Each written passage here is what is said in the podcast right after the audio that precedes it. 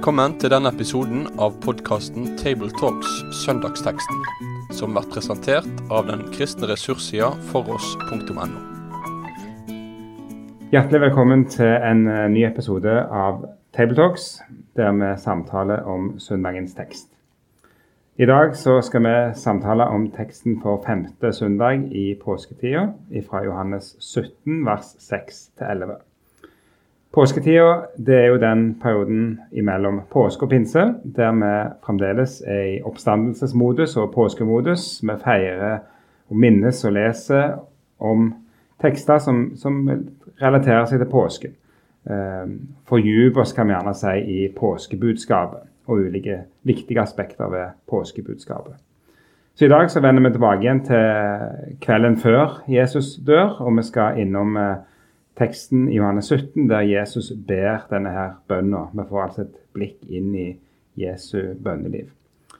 Med meg for å snakke om denne teksten så har jeg Toril Slottsveen Asp. Sverre Bø. Og så skal Toril få lese teksten først, før vi går videre.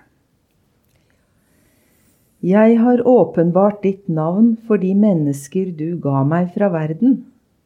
De var dine, og du ga meg dem og de har holdt fast på ditt ord. Nå vet de at alt som du har gitt meg, er fra deg.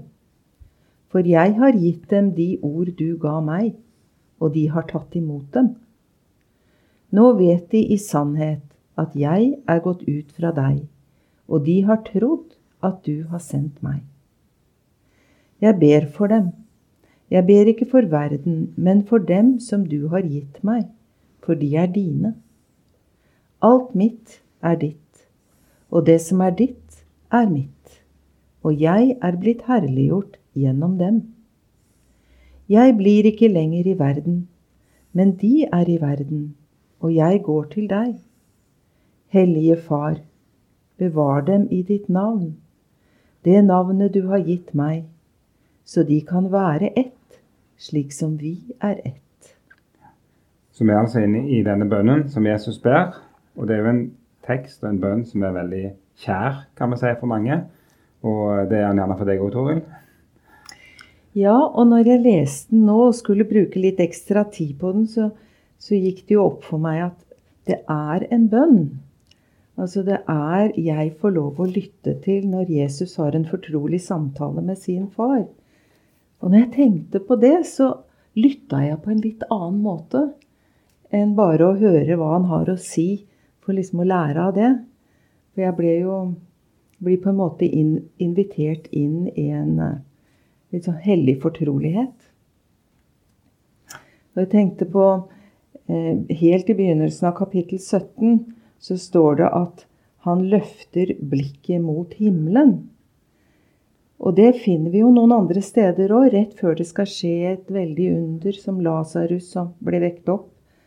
Og i ørkenen når de skulle mettes, så løfter han blikket opp mot himmelen. Og da går jeg ut fra at han rett og slett eh, bøyer hodet og ser opp. Men det handler jo ikke om en form for eh, oppreist bønnestilling, først og fremst. Og her i teksten så går det an å si at ut fra det greske at han løfter blikket inn i himmelen. Og det betyr jo at han på en måte kobler seg til den virkeligheten som er i Guds verden og i Guds rike, der han rår og hans godhet er til stede. Og så ser han inn og begynner å snakke med sin far. Og de som står rundt, de får da lov å være med helt inn. Og det, kanskje, det kan jo kanskje være et forbilde for oss også når vi leser Kolossebrevet, at vi blir bedt om å feste blikket på det som er der oppe. Mm. Og så løfte vårt sinn og vår, vår eh, oppmerksomhet eh, inn i Guds nærhet. Og så hadde jeg lyst til å fortelle da en liten hendelse som var veldig merkelig, eh, som jeg opplevde i høst. Jeg kom ut fra en samtale jeg hadde hatt, og det var parkeringsbot på bilen.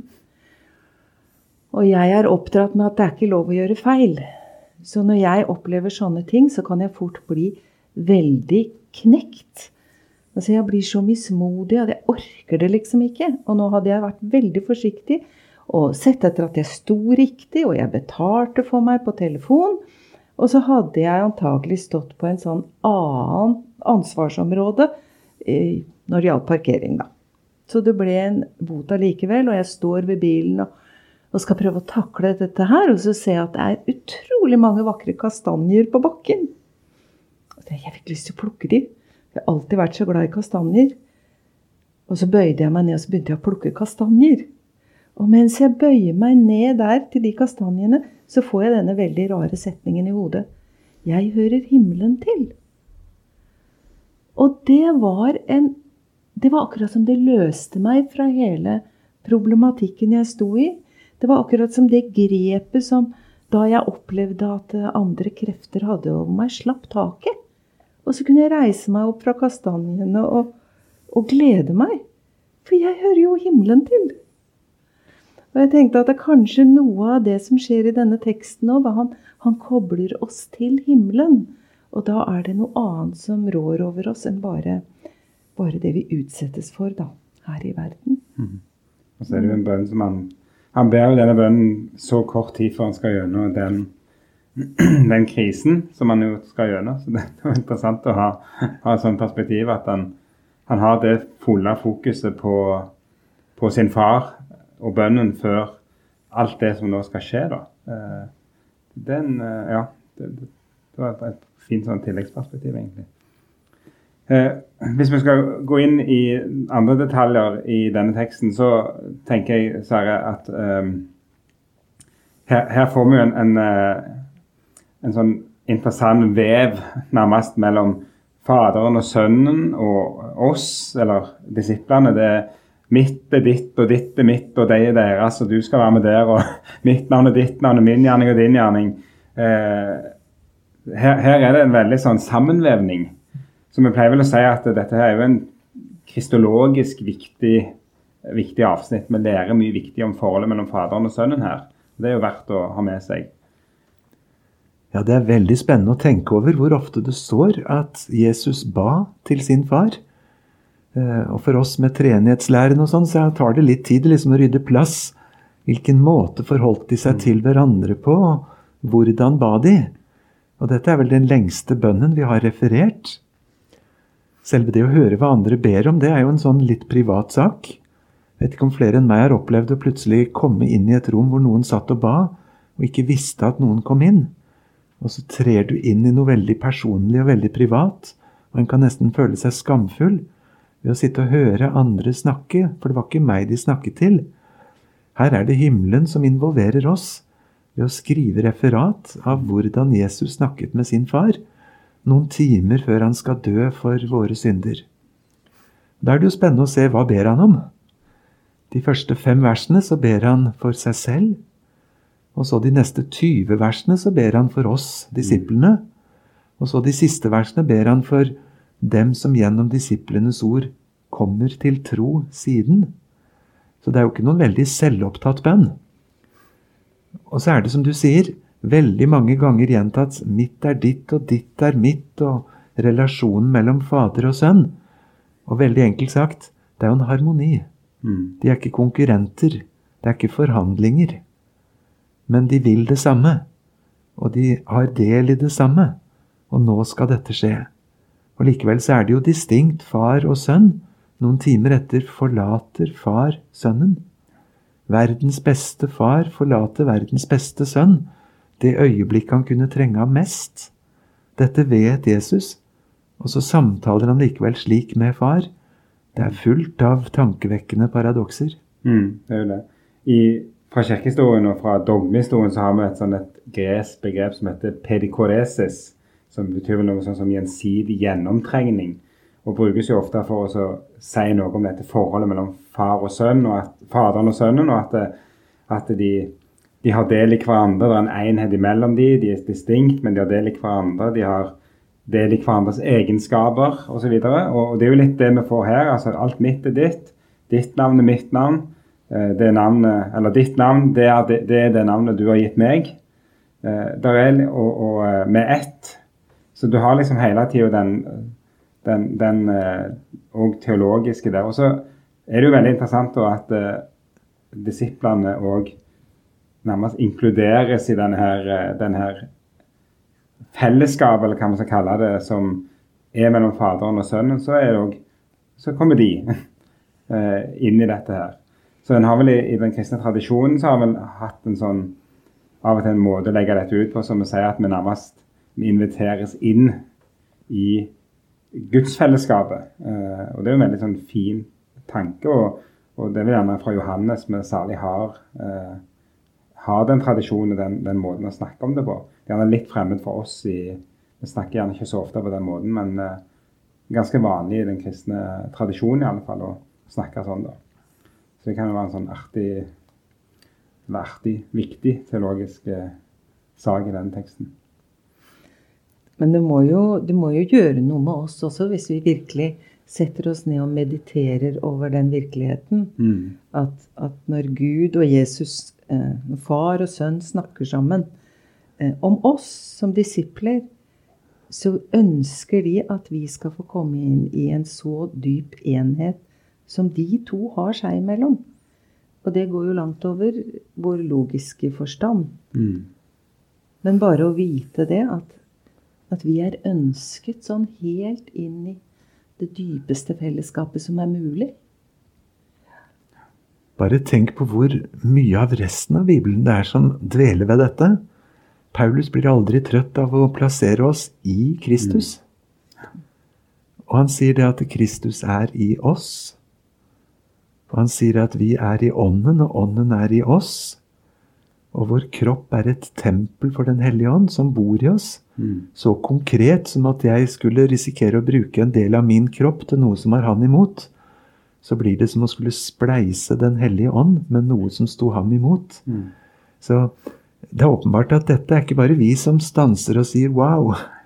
Det har levd i apostlenes tanke. Mm. Og det er jo til å sprenge vår fantasi at vi løftes inn i dette. Når vi ber, så trer vi inn i en samtale mellom far og sønn. Gjennom forbønn så får vi løfte opp den ene og den andre helt inn i den innerste dialogen. Det gir noen fantastiske perspektiv. Den uh, svenske forfatter og teolog han, Peter Halldorf han skrev en plass at uh, det, å, det, å, be er jo på en måte det at du, det er en konstant bønn som foregår i Gud i himmelen. Og så er det akkurat vi av og til kan få sette oss ned og koble oss kjapt på, og så er vi med, og så er vi gjerne ut igjen, og så gjør vi noe annet, og så er vi inn igjen og ut igjen. Så det er sånn, sånn en artig visualisering av at det er en kontinuerlig fellesskap i bønn i, i, Gud, og så er vi en del av det. Og så er det ikke alltid vi liksom setter oss ned og er fokuserte på det, men vi er delaktige i det. Så det, er jo fint der, som gjør verdt i å lufte fram gjerne òg når vi snakker om denne teksten her. Og da er det kanskje lurt å tenke på at Jesus løftet blikket sitt opp til himmelen. Mm. For jeg tenker at vi eh, I hvert fall min erfaring er at eh, selv når jeg ber, så er det ofte at jeg blir litt innkrøkt i mitt eget. Uh, Istedenfor liksom å, å, fatte at nå er jeg kobla på det himmelske som skjer. Mm. Ja komme med bestillingslister i stedet for ja. ja. og det er mm. bekymringer, og det er mm. alt. Hvis jeg skal sette ord på alt det, så kan jeg, kan jeg jo etterpå på en måte ha, ha, blitt mer i hva det dreier seg om, enn at jeg nå har fått lov å legge dette over mm. på Gud. Mm. Finne. Mm. Forlagt, det å få lagt det fra seg, det har en gode. Mm. Eh, en, en, annen teologisk tema som jeg syns vi skal berøre i denne teksten, det er jo disse her det er vel tre ganger bare i den passasjen vi har lest at det står om 'de du ga meg', eller 'de du har gitt meg', og så kommer jo det ordet igjen flere plasser i bønnen. Og Johannes han skriver jo flere plasser om, eller siterer Jesus på at eh, de som far gir meg, kommer til meg. Og den som kommer til meg, vil jeg aldri støte vekk. Eller ingen kan komme til meg uten at far drar denne. Så vi finner mange sånne eksempler på at det er noe det å komme til Jesus handler om å være gitt eh, til Jesus av Far i himmelen. Og da er vi jo inne på ja, teologisk tema som kanskje handler om utvelgelse og mange vanskelige ting. Jeg vet ikke om du har noen refleksjoner du, Sverre, om, om, om, det i den, denne sammenheng? Jo, absolutt. Men bare hør på selve uttrykket. Jesus snakker om Thomas, Peter, tordensønner, hvem de er, og sier 'disse som du har gitt meg'. Med en varme og en respekt. Og jeg har prøvd å ta vare på dem og passe på dem og bevare dem for at ingen av de skulle rote seg bort. Mm. Å snakke om deg og meg i sånne respektfulle kategorier Du ga dem til meg, du betrodde meg dem. Det var din morgengave til meg, Gud. Det er et en, Altså, det løfter lille meg opp. Mm. Jeg er ikke en som krangla meg til en plass. Jeg er ikke en som meldte meg inn. Jeg er ikke en sånn blodfan. Jeg er ikke en som stalker noen. Mm. Men jeg er rett og slett en som far har gitt til Jesus, og som Jesus syns var dyrebart som edelstener, og som han kjemper for å bevare. Så ved siden av alle de teoretiske problemene med utvelgelse hvem som tror og hvem som ikke gjør, så er det et grunnperspektiv. Eh, Jeg er ikke noe mindre enn en gave Mm. fra Faderen til Sønnen. Han som eide hele universet, og så var det jeg som skulle være gaven. Jeg har også tenkt i den forbindelse på I Det gamle testamentet så tales det om Israel som er Guds dyrebare eiendom, er jo begrepet. Eh, Og, og eh, det er jo ofte Det tror jeg ofte bibelskolen har huska etter timene, at det, det ordet som brukes der i den hebraiske grunnteksten, er jo et ord som ofte betegner denne skatten som en konge har i sitt skattkammer. Og, og det er litt det samme. det jeg tenker at det er lett å så måte, Johannes taler sterkt om eh, det å være gitt, og, og, og det at Faderen må dra Det er Faderen som drar den som ble gitt til Sønnen osv. Det er lett å lage en sånn teknisk utvelgelseslære og være veldig fokusert på den. Eh, og så er det noe med at dette er ment som trøst, og det som du sier, så har en veldig sånn eh, Ja fin, trøsterik, var, respektfull måte å snakke om, om disiplene på. Eh, eh, og ikke en slags transaksjon som en, en deal som er inngått, og der de har blitt enige av den, den skal jeg ha, den skal jeg ikke ha. Det er liksom en helt annen tone eh, i dette språket her som eh, vi fort glemmer når vi begynner å gjøre dette til tekniske, teologiske diskusjoner.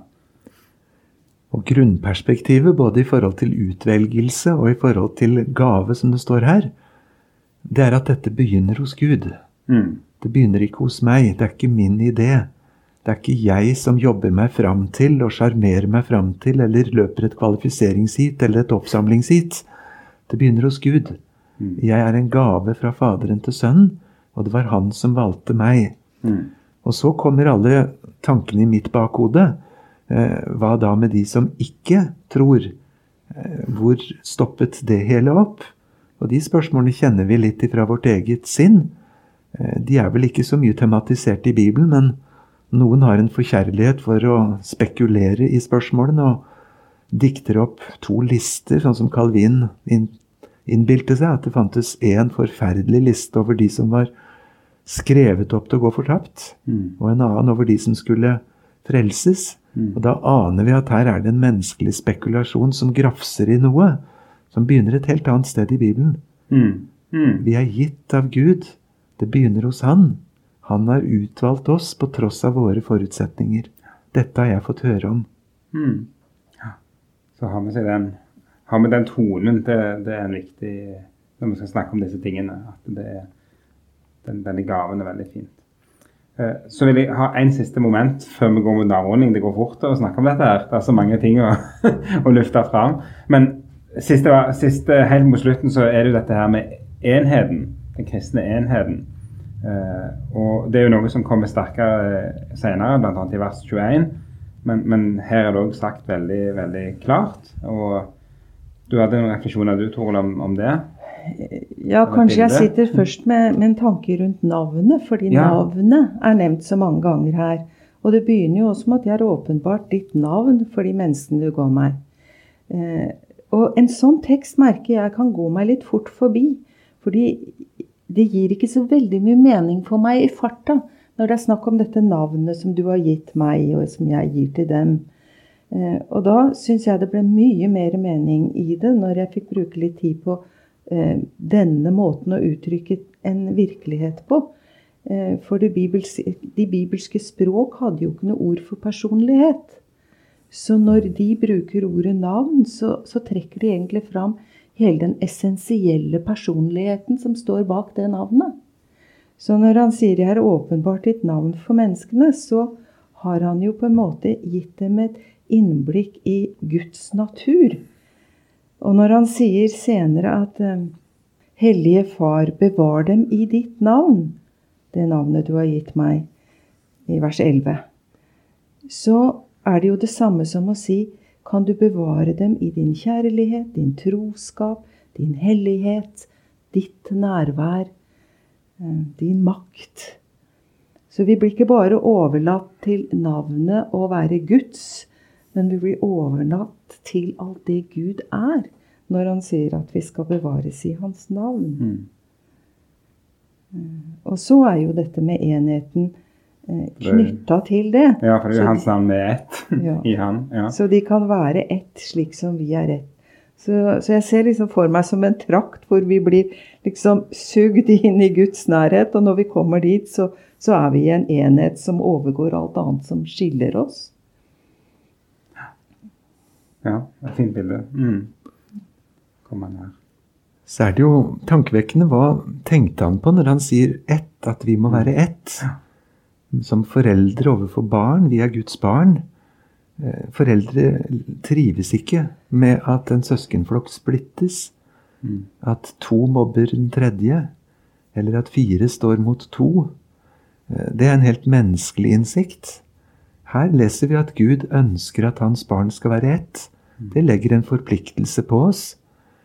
Hvordan dette skal organiseres eller praktiseres med mange kirker spredd over et stort territorium, det er én side, men grunnperspektivet Jeg erkjenner at det er en søster og bror, frelst på samme vilkår, frelst til samme søskenfellesskap, og be Gud om å hjelpe meg til å tenke varmt og sant Herrens tanker om min søster og bror, sånn at ikke den menneskelige eh, tilnærmingen får ta overhånd. Første Korinterbrev utfolder det veldig tydelig med hva som skjer i en menighet som splittes på veldig fromme spørsmål, men som likevel skaper et stort og akutt problem, som gjør at det skrives et langt brev på 16 kapitler for å, å justere dette. Mm. Så kristne den, den skal vi også ha med oss fra, fra dette kapittelet og dette avsnittet. Vi må gå mot en avrunding. Eh, og jeg pleier å stille et spørsmål, eh, nemlig hva du ville fokusert på hvis du skulle talt over teksten. Og Toril, hvis du skulle gjort det, hatt en andakt eller talt over teksten, hva ville vært viktig for deg å sagt? Jeg tror nok det ville vært litt om hva navnet betyr, og hva Mm. det innebærer. Eh, og så Og så tror jeg jeg ville ønska å fokusere på, på denne enheten mellom Gud og Kristus, som eh, vi inviteres til å være en del av. Mm. Og hvordan vi ikke kan ta inn alt med vår forstand, men da får vi meditere. Da får vi grunne på å se det for oss i bilder. Da har jeg et bilde som jeg eh, kanskje kan ta til slutt. At eh, jeg så liksom for meg presten som skal vie to stykker. Og så tror jeg ikke det er en del av liturgien, men, men hvis han tar hånden hennes og legger oppi hånden hans, så så skaper han den enheten mellom de. Han skaper en ny tilhørighet. Og så står det 'din brud' og 'din brudgom' i ringene. Jeg tenker på, Det er nesten det Jesus gjør med oss i denne teksten. Han liksom tar hånda til disiplene og hånda til far, og så legger han de oppi hverandre. For nå skal de høre sammen i troskap og være uatskillelig. Skulle jeg tale over denne, så tror jeg det måtte bli preget av den følelsen jeg har av å være overveldet. At jeg som tror på Jesus, er en gave som Gud syns var en passende gave til selveste Jesus. Det ligger i vår tekst, og så tenker jeg på Hebreerne 2, hvor det står om Jesus at han trer fram, og så sier han, Se, her er jeg og barna du har gitt meg. Stoltheten og gleden. Og så står det, derfor skammer han seg ikke ved å kalle, kalles deres bror. han er min bror. Han skammer seg ikke det, er en gave. Se, her kommer jeg og barna mine. Og jeg tenker på den bulkegjengen jeg representerer, og de jeg kjenner. Det var ikke mye til ære for Jesus, tenker jeg. Og så er det til hans glede. Det løfter det kristne fellesskapet og det å være Guds barn opp til noe uendelig stort. Som vi bare aner litt av overflaten på. Det er sant. Og det er det som er påskens store nyheter òg, at uh, denne retten er gitt oss i Jesus. På foross.no så ligger det òg andre ressurser knyttet til denne teksten, så det er bare å gå inn og, og se mer der. Og, og prøve å ja, lese seg vis på det. Kan jeg også bare nevne at det, et av de litt, sånn, litt ukjente, men viktige verkene av Luther er òg en, en, betraktning over, over denne avskjedstalen til, til, Jesus. Den heter vel 'Frelsens olje' og er utgitt på nytt på dansk. Så den kan jo kanskje noen ha glede av å lese. En lang sak, men fine betraktninger. Uh, med dette så takker vi for i dag, og så vil jeg ønske Guds velsignelse både ved den som skal tale over teksten, og den som skal lytte til forkynnelse fra denne teksten. Med det sier vi takk for følget for denne gang. Finn flere ressurser, og vær gjerne med å støtte oss på foross.no.